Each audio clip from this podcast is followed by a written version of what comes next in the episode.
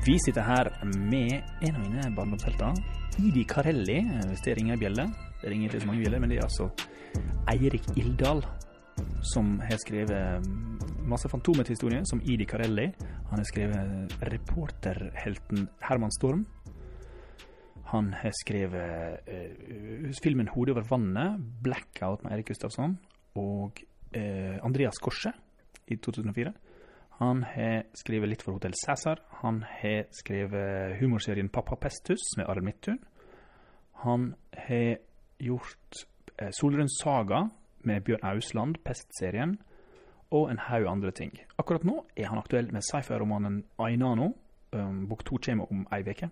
Derfor tenkte jeg vi kunne ta en liten prat med Eirik om det å være på en måte en det å, ha, det å ha gjort alt, å være en veteran og ha gjort alt og fortsette å gjøre ting. Fordi veldig mange av de vi snakker med, er liksom i starten av karrieren, og Eirik er i midten av karrieren, tror jeg kan si. Ja, jeg vet ikke. Hvis jeg er midt i karrieren nå, så skal jeg bli veldig gammel, men Ja, gammel er du nå? Nå er jeg 66. Ja, det er ikke så mye. Det er, en god klump karriere. 60 og så videre, ikke sant. Ja. Nei da, eh, jeg har ikke noen planer om å gi meg med noe som helst, jeg. Men, eh, men, jeg merker jo at jeg er inne på oppløpssida. Du gikk jo rett på en knallhard sci-fi da, med en gang du hadde frie hender. Ja. Eh, egentlig så har det jo en forhistorie, det òg. Startet som et filmmanus. Mm -hmm. eh, eh, og, og, filmen den havarerte, det ble ikke noe av. Men, men, men, jeg ble så forelsket i det her universet som jeg hadde laget.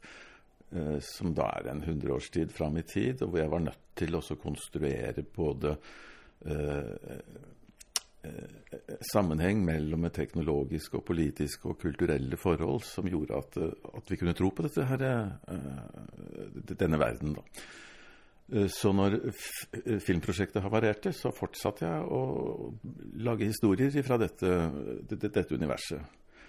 Og den første, Ainano har nå vært i salg i noen måneder, og så kommer da det neste. Hiriel kommer om en ukes tid. Så det er bare å gå inn i nærmeste nettbokhandel og handle til krampa tar deg. Du er også en sånn eh, slags kioskromanting som du gir ut. Eh, hva har du kalt det? Ildals eventyr? Nei. Ildalsserien heter det. Det, det var forleggeren min det som mente at det er ingen grunn til å være beskjeden her. For opplegget der Litt inspirert av Knausgård, egentlig, som skrev uh, bind etter bind om sine egne daglige trivialiteter.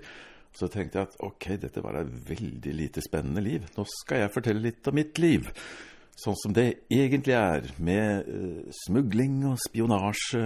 Og en gang så var jeg kardinal i Vatikanet, og ja, i det hele tatt. Uh, I den siste boka så begynte jeg å reise i tiden. Jeg går ut fra at alt er sant? Selvfølgelig. Har du laget mange? Uh, det ble tre bøker, og så fant jeg ut at nå var egentlig det prosjektet ferdig. Og så, og så begynte jeg med noe annet jeg blir veldig fort rastløs. Det er liksom som at når jeg har gjort en ting, så behøver jeg ikke gjøre mer av det. Og så skal jeg videre og finne på noe nytt. Sånn har det i grunnen vært hele tiden siden jeg begynte å lage Donald-historier for Freddy Milton. At, uh, at jeg ser etter og så tenker jeg Søren heller, dette kan da til og med jeg gjøre bedre.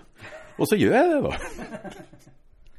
Freddy Milton er jo litt sånn Danmarks Carl Barks, for deg. Han har gjort veldig mye bra Donald. Både skriver sjøl og i samarbeid med deg. Har han tegna for mange andre forfattere? Jeg har liksom bare sett han skrive, for sine egne, skrive sine egne manus.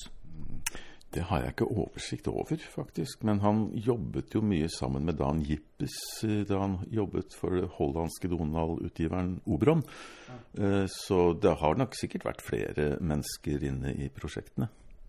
Er ikke Dan Jippes tegner, først og fremst? Uh, jo, han har tegner, uh, så det, det, var vel stort sett Freddy som sto for manus, i samarbeid eventuelt da med redaksjonen. Jeg vet ikke akkurat hvordan de jobbet. Freddy er glitrende Donald-skaper. Det, liksom, det, treffer virkelig den der Barks-stilen. Ja, han har til og med skrevet en bok om det. 'Gutten som elsket Carl Barks', heter den. Selvbiografisk. Ja. uh, og jeg, jeg leste en sånn Han skrev en analyse av en av sine egne serier, der Donald blir sånn klokkeekspert.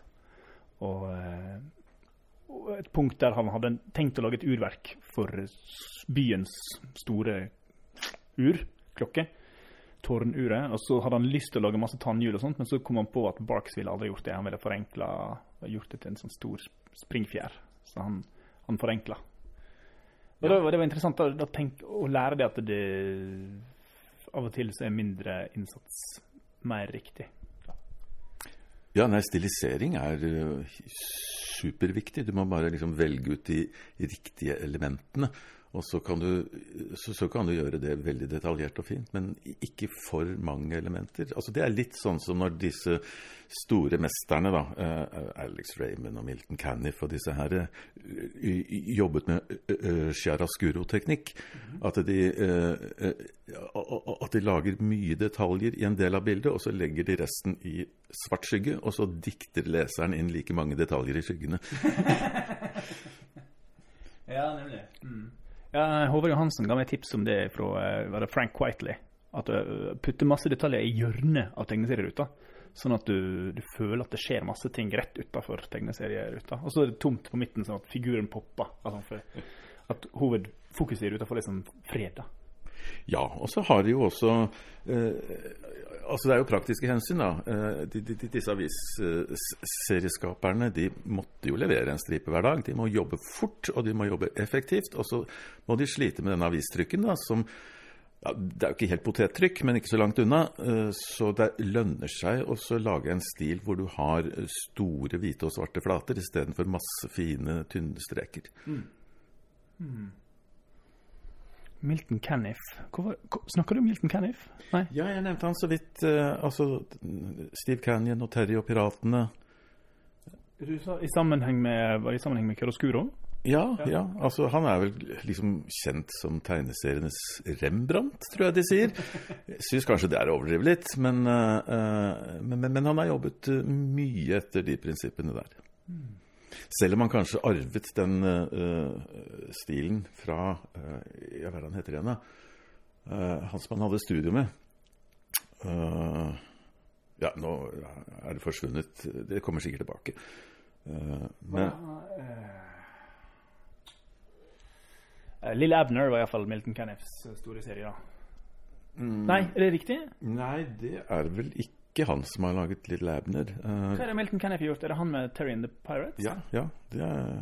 Oh, ja. Eh, hva er han Little Abner-fyren? Hvem er det, da? Det... Ja, hva er det han heter igjen, da? Jeg begynner å bli gammel, jeg husker så dårlig. Navn er jeg veldig dårlig på, men uh, uh, Al Cap het han. Al Cap var det, ja. ja. Men Kenneth er mer fotorealistisk da, i stilen? Han er mer sånn Ja, han regnes vel som en av disse Herre her realistene i ja. denne tradisjonen. Og det er jo det som Det er jo da det blir krevende å skulle tegne realistisk med den typen trykk. Altså den typen trykkvaliteter for, å for dreisen på det.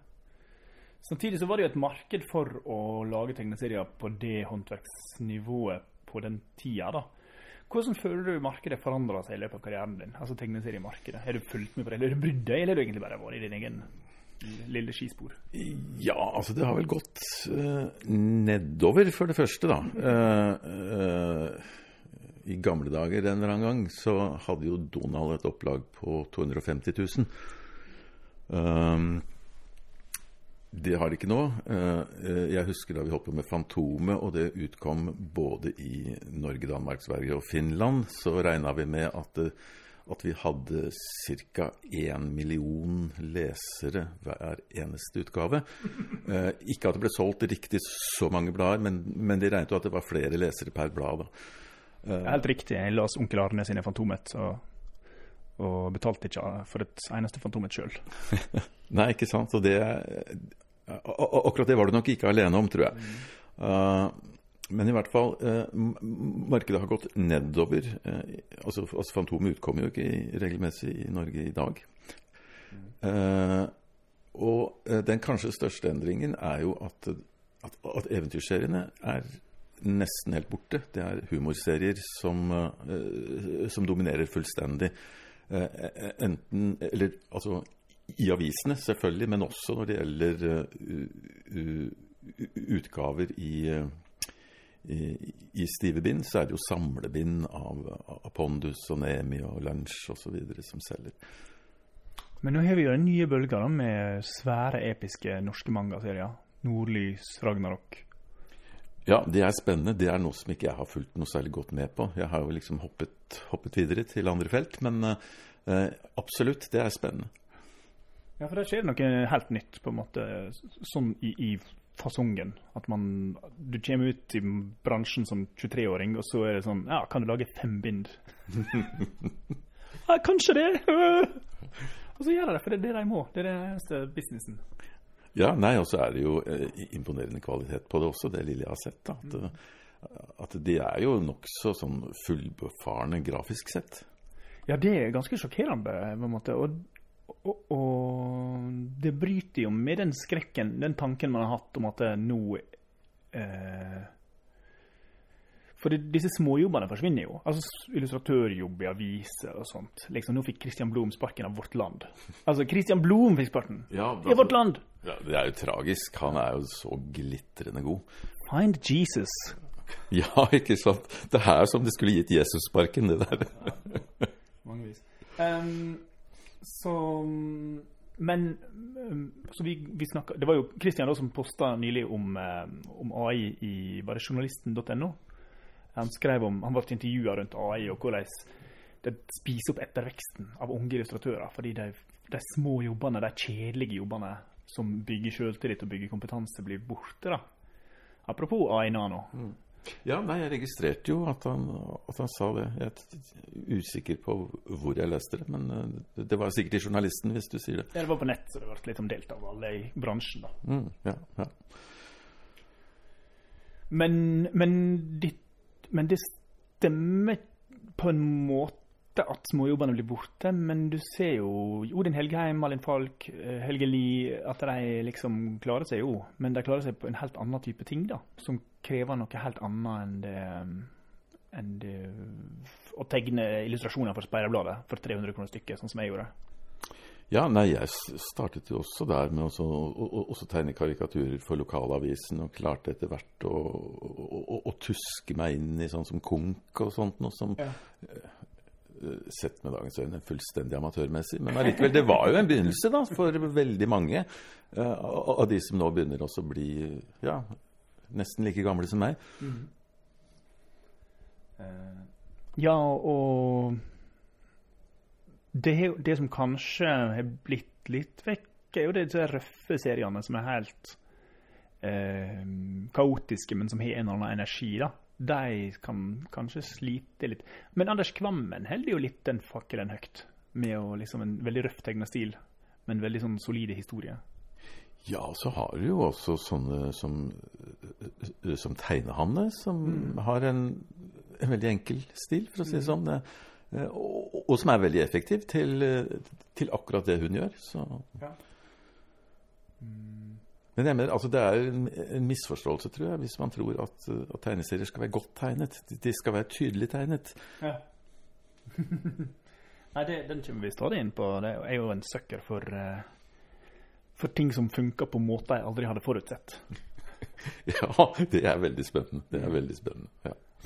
Den eh, rastløshet og sjangerskiftegreia tror jeg liksom eh, Både du og Alan Moore var jo forbilde for meg i den forstand at man liksom, jeg så at dere bare gjorde et prosjekt og fulgte ideen all the way, og så var det liksom et helt nytt prosjekt. Nye, altså så det var ikke Dere kjørte ikke safe, da.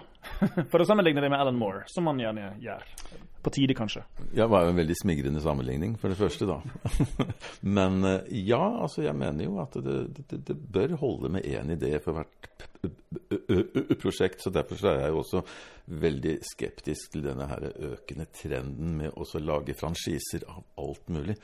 Eh, eh, eh, altså, altså Den gangen som jeg kom inn i filmbransjen så smått, så lagde Teamfilm de lagde den første Olsenbanden med bare private penger, fordi at de skulle finansiere mer kunstnerisk ambisiøse filmer. Eh, s- Så ble det en lang rekke filmer, og så ble det Olsenbanden junior. Og nå skal de forsyne meg, starte opp igjen denne franchisen på nytt igjen med en ny besetning, og, og får hivd masse statlige millioner etter seg fordi at det har så høy kulturell verdi. Det er jo nokså paradoksalt, syns jeg, for det kommer jo eh, til fortrengsel nødvendigvis for nye og originale konsepter som ikke får penger. Men var det, det var ikke inn du var ikke innblanda i den første Olsenbanden-filmen? Det var ikke det du sa nå?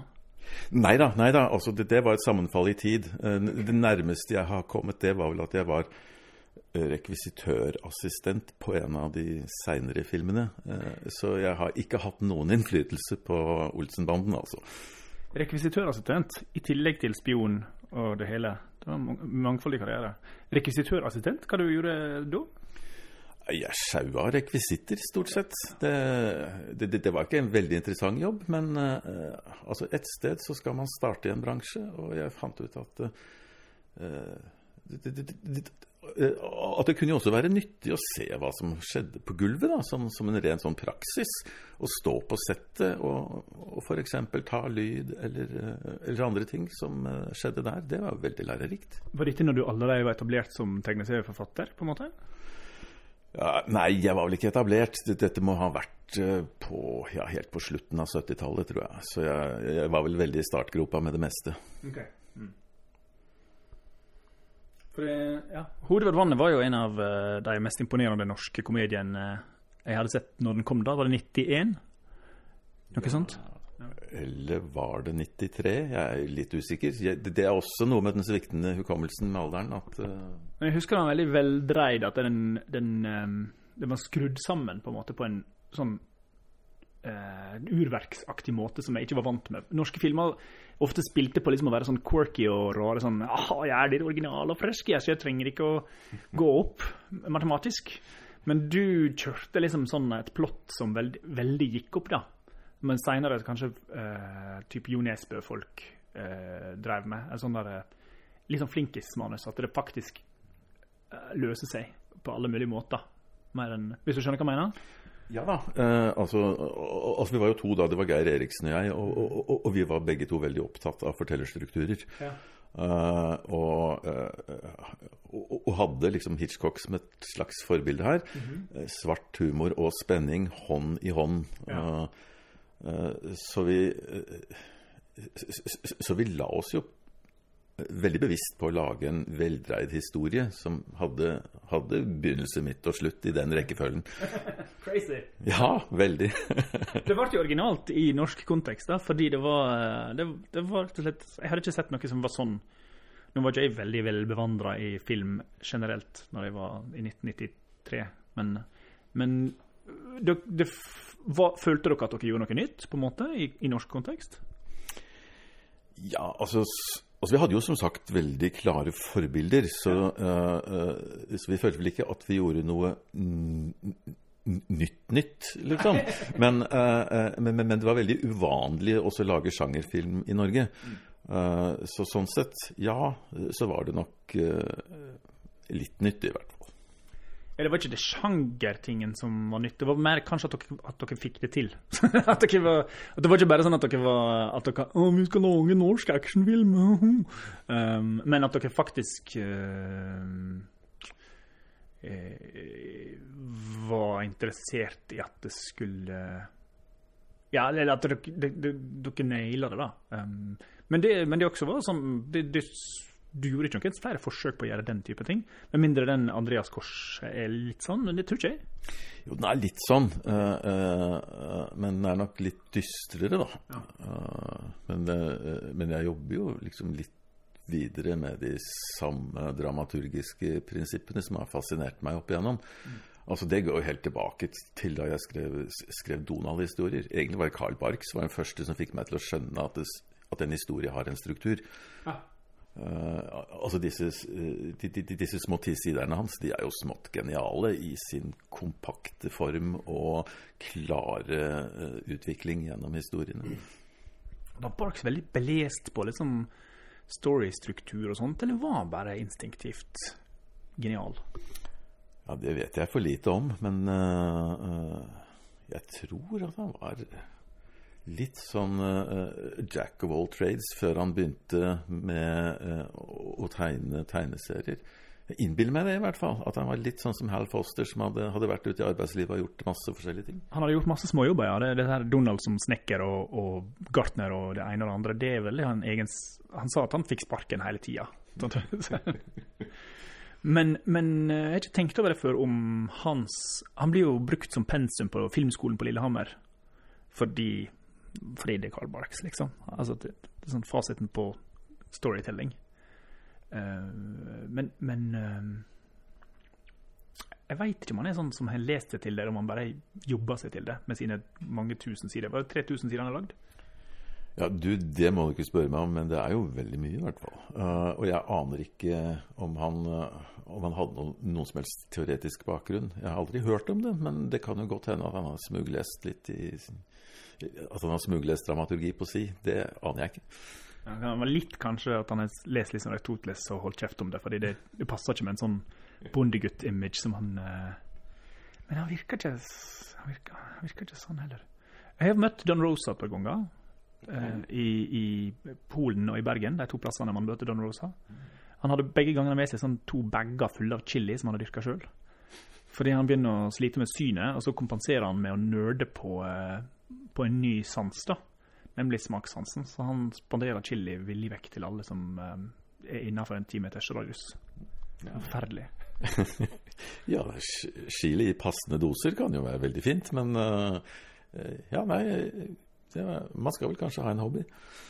Ja, jeg tror han, han har kun to modus. Det er 100%, 100 millioner prosent eller død. Jeg tror han foreløpig er på 100 millioner prosent da, fram til vi, får, håpe at han holder seg der, da. Ja. ja. Til uh, smaksløkene også stryker med. Da veit jeg ikke hva som blir neste.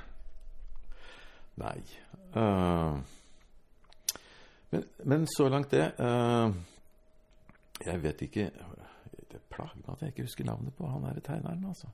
Han som bodde på rommet Milton Caniff? Ja, ja, ja. Hva søren var det han het igjen, da? Han, eh, han, han, hadde ingen lang seriekarriere, skjønner du. Han, eh, han, begynte å illustrere for jeg tror det var Time Magazine etterpå. Oh, ja, er det han som uh, Jobber ikke han med Will Eisner også? Liksom en sånn, Han ble for populær, han ble for flink, sånn at han fikk bare sånn forsidejobber og sånt, og bedre betalt per time? Ja, hva er det han het for noe, da? Mm. Nei, nå må vi google litt. Ta en pause og google litt, tror jeg, så vi finner ut dette her. Pause. Kaffepausen er over, og det var Noel Sickles som var svaret. Mysteriet er løst, ja. Og, og romkameraten til Tubil Leisner, det var Lou Fin. Fin? Er ikke det fine? fine?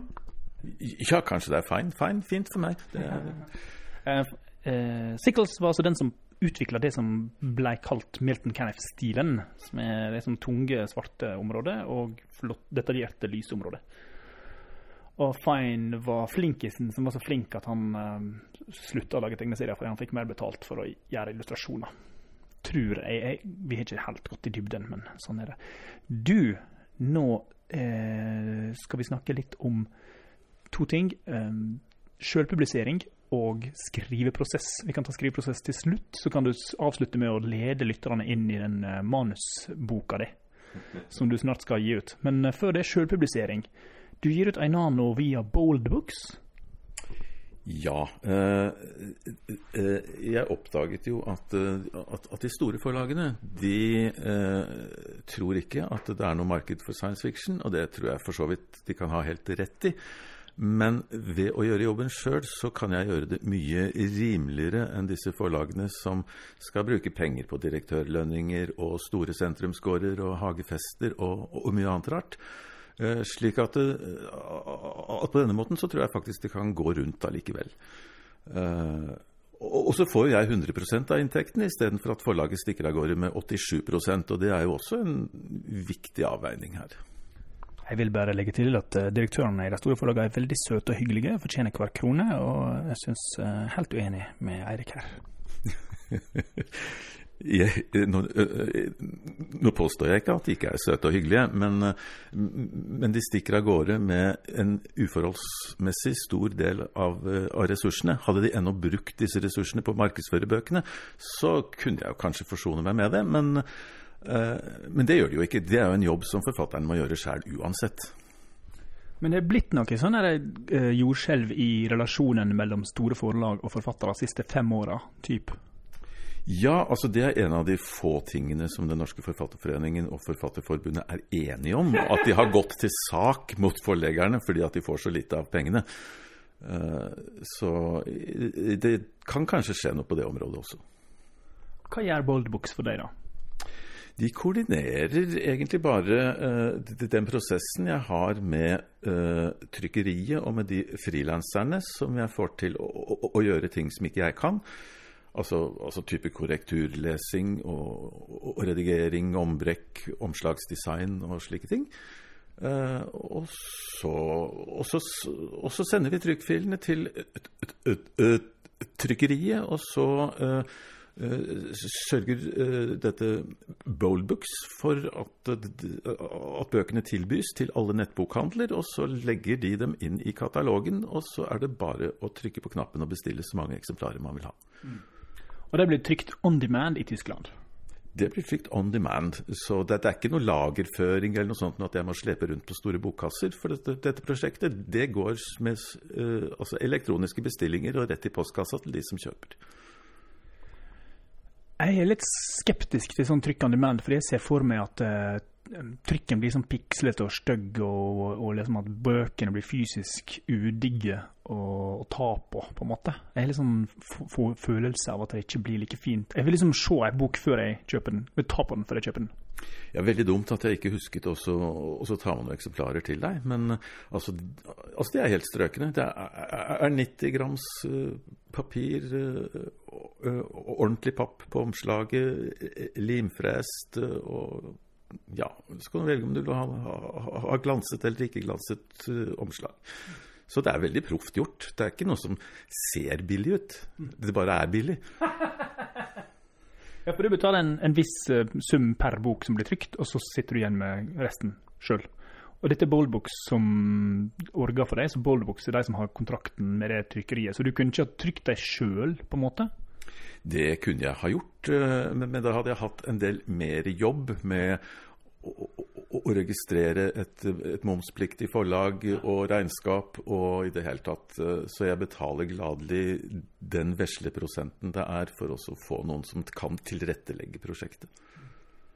Og de, disse kan også trykke tegneserier, bare for uh...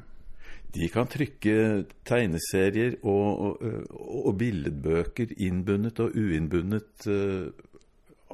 Ja, de, de, de, kan lage akkurat den boka som du har lyst til å lage sjøl. Det er et eller annet Jeg, jeg veit ikke hvorfor, men jeg har liksom problemer med print on demand-bøker. Jeg prøvde det med margarin på engelsk fordi eh, jeg ville den skulle ut på engelsk. Og det gikk jo ikke sånn Det gikk jo ikke spesielt bra. Jeg vet ikke om noen hadde bestilt den eller så kan ha prega mine følelser. Men det føles som om boka liksom ikke er helt ekte når det ikke finnes liksom 1000 stykker på et lager en plass som ligger og råtner og samler støv. Ja, jo da, jeg forstår følelsen. Uh, absolutt. Uh, men, uh, men, det kommer vel litt an på hva slags bok du utgir, tenker jeg. men hvis du skal utgi en, en Jo Nesbø-thriller, f.eks., så er det sikkert smart at den kan ligge i stabler i bokhandelen. Men en sånn science fiction-roman som uansett settes innerst i en, en hylle innerst i bokhandelen, det er ikke noe vits i, altså. For det er, det, er, det er, ingen som kjøper den uh, sånn på impuls når de er inne for å handle julepapir. No, okay.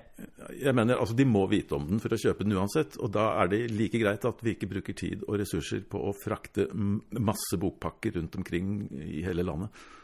Funker det? Får, får du liksom litt omsetning på en og annen?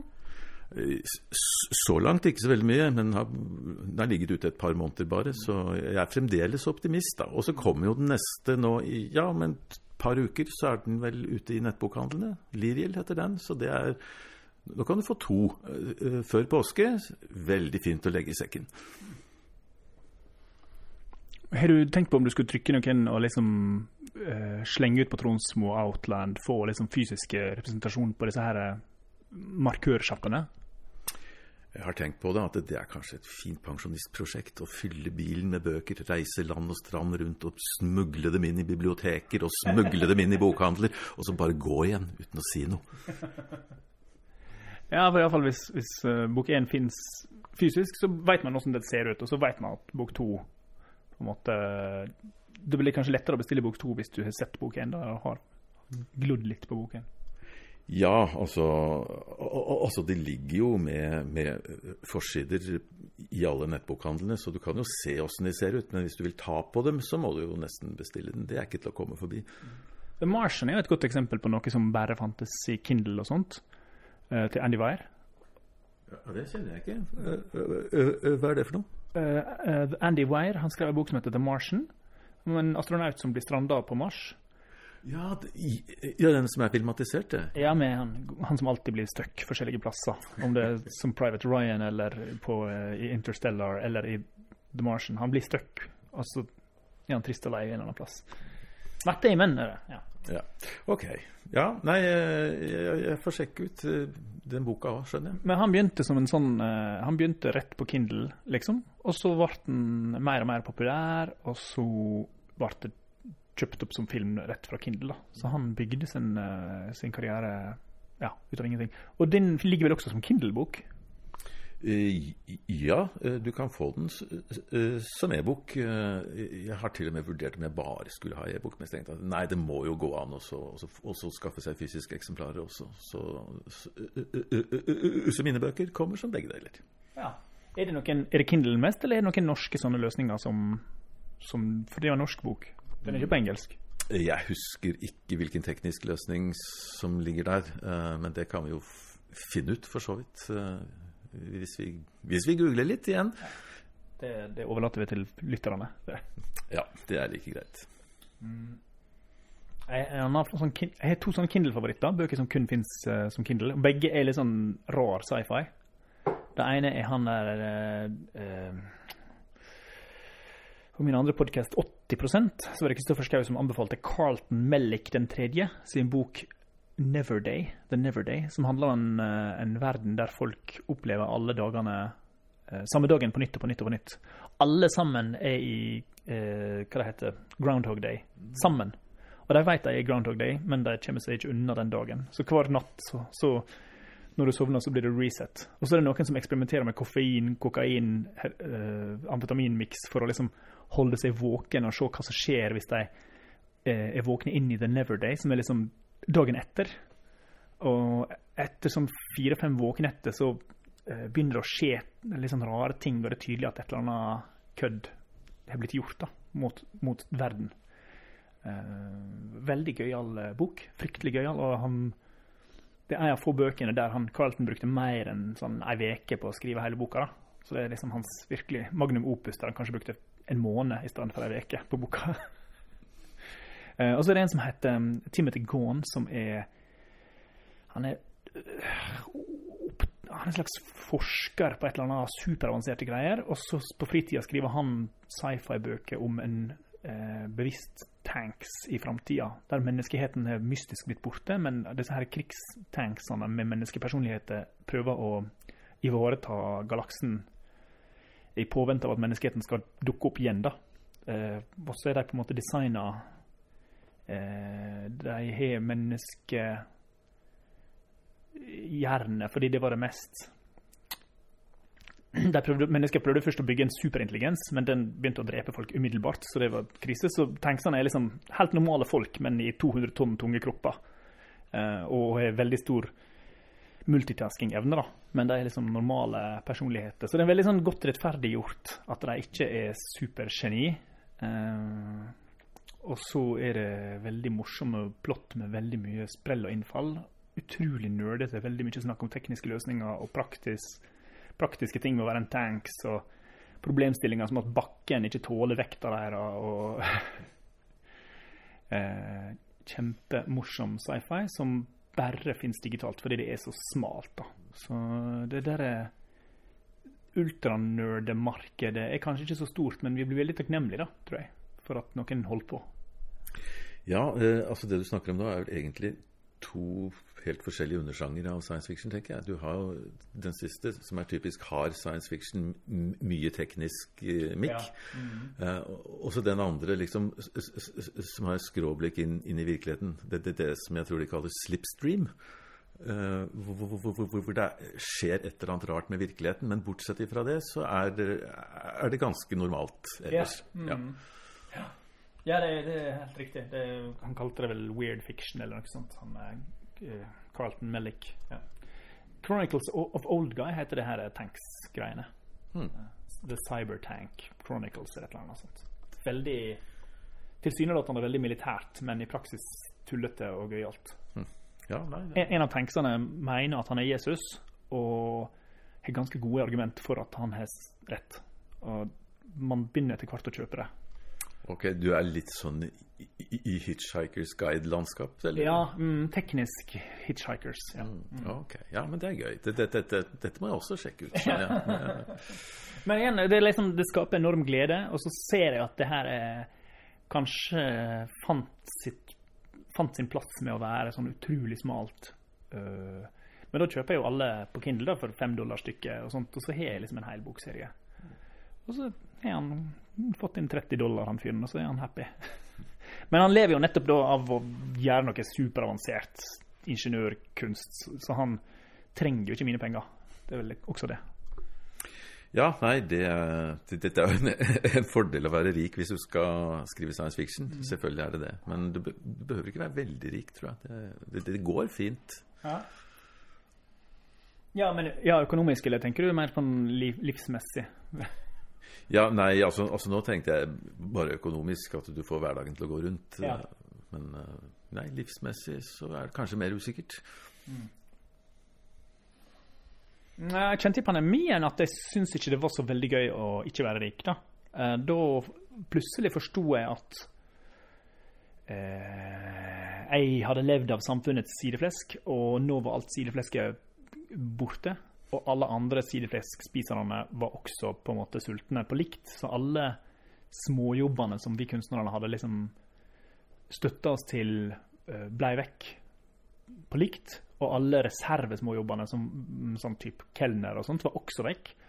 Det var liksom tre etasjer med eh, plan B og plan C og plan D som blei vekk eh, samtidig. Og det ga meg litt panikk altså, i pandemien. Fikk du panikk, eller er du sånn såpass etablert at det ikke var så farlig? Du, jeg fikk ikke, ikke panikk i det hele tatt, men det var nok fordi at i, i den perioden så, øh, så underviste jeg i manus. Eh, og, og, og, og, for meg så kom hele pandemien veldig beleilig, egentlig. Eh, altså, altså, jeg slapp å gå på skolen for å undervise. Jeg kunne bare sitte foran skjermen min hjemme og uh, snakke med studentene. Eh, ikke noe kjedelige trikketurer i rushtida eller noe som helst pes. Det var eh, skru på maskinen og behøvde ikke ta på meg bukser engang. Kunne bare sitte der og, undervise med eh, stor professoral autoritet. Ja, alle studenter på NSKI vet nå at Eirik hadde ikke bukse på under undervisninga i pandemien. Um, men uh, du har også Du har også laga ei bok om eh, skriving. Ja, Uh, etter, etter å ha undervist i fire år, så ble jeg veldig lei av å høre meg sjøl stå og si de samme tingene om og om igjen til stadig nye studenter. Så jeg fant ut at, at jeg måtte jo slutte med å undervise. Det er litt sånn altså mitt rastløse jeg som vil hoppe videre og finne på noe nytt. ikke sant? Men jeg, men jeg tenkte som så at det, noe kan vel kanskje komme ut av dette eh, allikevel. For, for, for, øh, for det var veldig lærerikt å måtte oppsummere erfaringene sine og kunnskapene sine eh, i en undervisningssituasjon. Så da satte jeg meg ned, og så skrev jeg rett og slett eh, en bok som skal hete eh, 'Kunsten å fortelle'. Eh,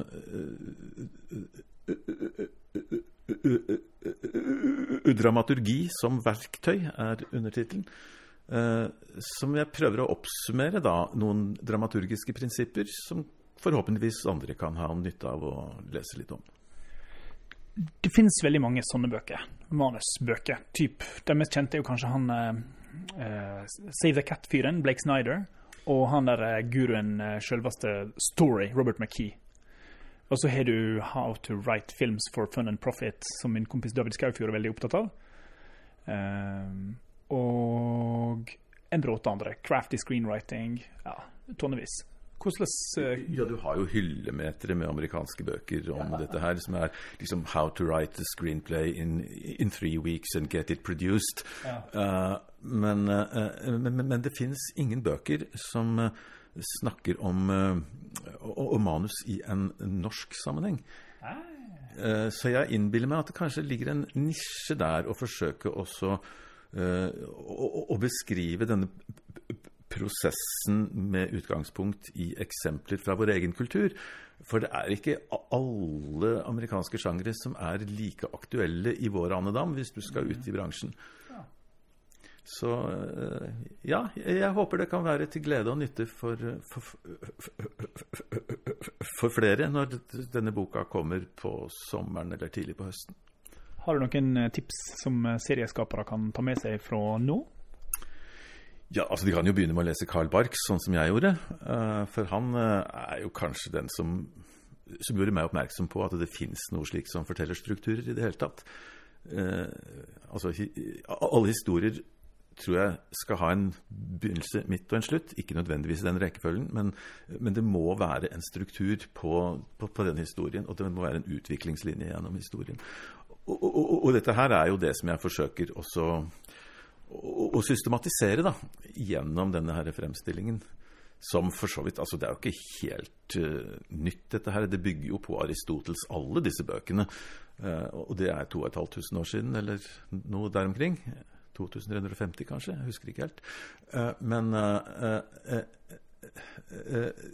dramaturgien den har jo endret seg litt opp gjennom historien. Den er jo ikke uavhengig av kulturelle forhold. Eh, så i, i, forskjellige epoker har man lagt vekten på forskjellige måter, eller, eller forskjellige aspekter ved uh, å fortelle historier. Og så har jo jeg laget min, uh, min versjon, da, med utgangspunkt i, i, i mine referanser og preferanser og, og, erfaringer gjennom ja, det er vel 40 år med manusskriving. Så ja, det er vel, er vel, det prosjektet. Hvordan ser det ut når du skriver historie? Begynner du i Hvilken ende begynner du? Ja, Det må begynne med en fascinasjon for et eller annet som jeg har lyst til å, å utvikle videre. Og så avhenger det litt av uh, sjanger og format og sånt noe. Uh, Eh, det kan hende at jeg begynner med en struktur, men det kan også hende at jeg begynner med en, en karakter. Eh, eller et miljø, for den del. Sånn som med disse science fiction-bøkene. Eh, men på et eller annet tidspunkt så er man jo nødt til å kna dette sammen til en helhet. da. Og, akkurat der så hadde jeg også veldig stort utbytte av å jobbe med en stripeserie som het, het 'Pappa og Pestus' sammen med Arild Midthun og Terje Nordberg. Eh, for en stripeserie, den er egentlig eh, et helt manus i miniatyr. Altså Du har den første ruten, som er eksposisjon. Og så har du andre ruten, som er fordypning av problemstillingen. Og så har du siste ruten, som er klimaks og poeng. Eh, en klassisk treakter, rett og slett. Alan Moore også begynte jo med Maxwell the Magic Cat-stripa, før han oppgraderte til tre sider i 2000 AD og Doctor Who Weekly.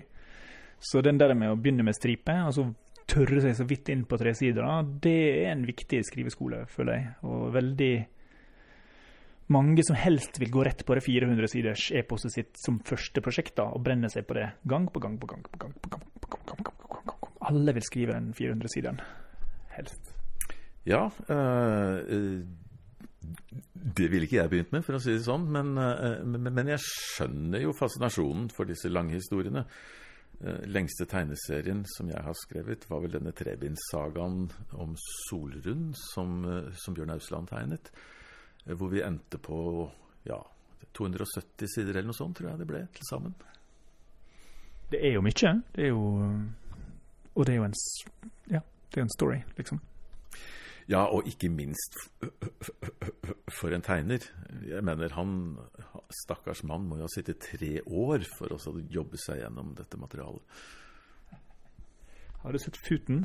det tok åtte år for Knut å tegne Futen ferdig. ja, han jobber jo i en veldig detaljert og fin stil også, da. Det skal sies. Vilt. Um, men uh, skriver du det i skriver du, Jeg har begynt nå å skrive på en måte først en kort versjon av historien. altså tre setninger, og så utvide den til tolv setninger, kanskje, og så ei side, altså to sider. At jeg skriver den korte versjonen litt og litt lenger, om igjen og om igjen. Sånn at jeg ikke gjør noen helt sånn store fuckups. Det er fordi at jeg har hatt litt lett for å begynne for fort på tegneprosessen og kose meg, og så glemme å planlegge manuset. Og så har jeg kasta vekk masse sider på, på dårlig planlegging, da. Ja, det, det, det, kan være fruktbart før man begynner å skrive ut et detaljert manus, at man lager seg et skjema å skrive etter. Jeg har, uh, har lansert et, et, skjema som tar utgangspunkt i en hovedperson som gjennomgår en utvikling. og inndelte i sju punkter. Og når man har spikret de punktene, så er det mye lettere å utvide hvert avsnitt og så, fylle på med detaljer underveis. Uh, og, så, sitter man da kanskje og har et synopsis på ja, to, tre, fire, fem sider, alt ettersom hvor Eller hvilket format man jobber i, da. Mm. Eh, så jeg tror absolutt at det er en god idé å jobbe på den måten. Så det er en sjupunkts karakterutvikling, karakterutviklingsting som Så det er egentlig karakteren din som er strukturen for historia di? Det behøver det ikke være, men, men jeg mener, altså det tror jeg er urhistorien, altså lærestykket, hvor, hvor, hvor, hvor budskapet fremkommer av, av, at du har en hovedperson som som vil et eller annet, og, som lærer noe underveis om at enten så, så, var det en god idé, eller så var det ikke en god idé. Og uansett om det ender, ender godt eller dårlig, så er jo moralen ganske klar for leseren. Det, det minner om to ting på en gang. Det er jo ene om Dan Harmons Story Circle, som er åtte kakestykker liksom, i en stor sirkulær kake. Uh, og da får du en uh, Da får du en, en, variant som er ganske oversiktlig, syns jeg. Kjenner du til den? Uh, ja, altså det fins jo så, så, så, mange sånne. Du har også en sånn sekvensiell modell som jobber med 15 stadier. og ja, altså det, det, er jo ikke noe mangel på modeller. Det, det, det handler mest om å finne en fortolkning av Aristoteles som man kan nyttiggjøre seg selv personlig. For alt er jo eh, Aristoteles på en eller annen måte, da. Ja. Laurie Hutzler hun er sånn karakterbasert, så hun eh, bygger ut karakterene veldig, veldig nøye, og så kommer historien på en måte som en ettertanke når karakterene er super. Spesielt husker jeg at hun var opptatt av um, karakterens store frykt. Fordi karakterens mål det kan jo oppfylles. At det, 'Å ja, nei, du fikk til å finne kvinnen i ditt liv'. Men så lever de jo videre etterpå, og så må du jo finne ut hvorfor de ikke er fornøyde, selv om de har fått målet sitt. Og da er det den frykten som, som gjør at de fortsetter å bli jaga mot et eller annet, og finne, finne på nye mål, da. Ja, jeg kjenner godt til Laurie Hatzlers modell. Selv så syns jeg kanskje det er begrenset hvor mye nytte man har av å streke opp en karakter etter en sånn modell, i hvert fall i utgangspunktet. Man kan kanskje bruke det til å sjekke etterpå om det er noen skruer som kan strammes. Men med ett unntak, kanskje. Eh, vi hadde stor nytte av det da vi holdt på å skrive såpeserie. Eh, men, for der er jo liksom Altså det er mange forfattere som skriver om de samme karakterene, og de endrer seg jo ikke nevneverdig. slik at det, Og da var det veldig nyttig å ha eh, et kart som viste hvem er denne karakteren. Ah, nemlig. Ikke sant? Der plutselig får du veldig nytte av uh, Jeg kjenner Laurie Hutzler bare fordi um, jeg intervjua han uh, som skrev 'Koselig med peis', den fantastiske TV-serien. Ja, ja. Thomas Storjussen? Ja. ja. Og han skrev den serien nesten, så vidt jeg forstår, utelukkende etter en knallhard Laurie Hutzler-session, liksom, der han bare jobba i månedsvis med kun karakterer og hadde null Uh, null tanker om plott og, og, og, historie. Det var bare karakter, karakter, karakter, og så slipper de løs på hverandre til slutt. Ja. Eh, da er det vel kanskje ikke en serie som var veldig plottdrevet heller. Eh, men, eh, men, men, men, jeg skjønner absolutt åssen han har tenkt, ja. Poenget er vel kanskje at alle disse her strukturene og modellene er som du sier, sånn veldig fine å bruke etterpå. Hvis du har et eller annet på hjertet, så kan du bruke det som en sånn sjekkliste etterpå for å finne ut om, om du kan stramme noen skruer. Eh, og så må du også sånn tenke at du kan bytte på bare for å se hva som er gøy. Og det viktigste er kanskje å ha det gøy. Definitivt. Og står du fast, så så, så, så, så er det jo mange knep, da. Du, du kan f.eks. bytte kjønn på alle karakterene. Ja. Så oppstår det et eller annet. Eller du kan gå en tur i skogen og bare ikke tenke på noe helt annet. Eller eh, en ting som jeg ofte gjør, er at, at når jeg har skrevet meg nesten igjennom en sekvens, så gjør jeg den ikke ferdig. Ah. Da er det mye lettere å starte igjen dagen etterpå. Ah. For da, da, da, skal du Du skal bare avslutte liksom det du gjorde i går. Men da sitter du der, altså. Og så kommer du bare videre, for da er du i gang. Så du veit hva du skal gjøre neste dag, og da er, du, da er, det lettere å jobbe videre. For den arbeidsdagen din er jo veldig sjølstyrt. Du, du, er jo din egen sjef de luxe. Jeg er jo ikke veldig opptatt av at, at jeg skal stå opp om morgenen, for å si det sånn. Det, altså, det får andre ta seg av. Uh, men, men, jeg er veldig opptatt av at jeg skal være uh, skikkelig produktiv. Og så kan det jo det skje på hvilken som helst tid av døgnet, for min del. Da tenker jeg vi er i mål. Sjekk ut Ainano av Eirik Eldal på din lokale bokhandel for å bestille den inn. Sjekk ut boka om fortellerkunst i høst. Og det er et poeng at det er norske filmbransjen Det er jo for filmbransjen spesielt, dette her. Den norske filmbransjen er veldig annerledes enn enn andre bransjer. Ja, den forsøker egentlig å nå enda litt videre ut, både når det gjelder fjernsyn og teater. Ja. Mm. Og kanskje det er noen tips der for noen som har lyst til å skrive tegneserier og romaner også. Ja, okay. Tusen takk, Erik. Vi eh, ses. Ha det godt. Ja, gleden er på min side. Takk skal du ha.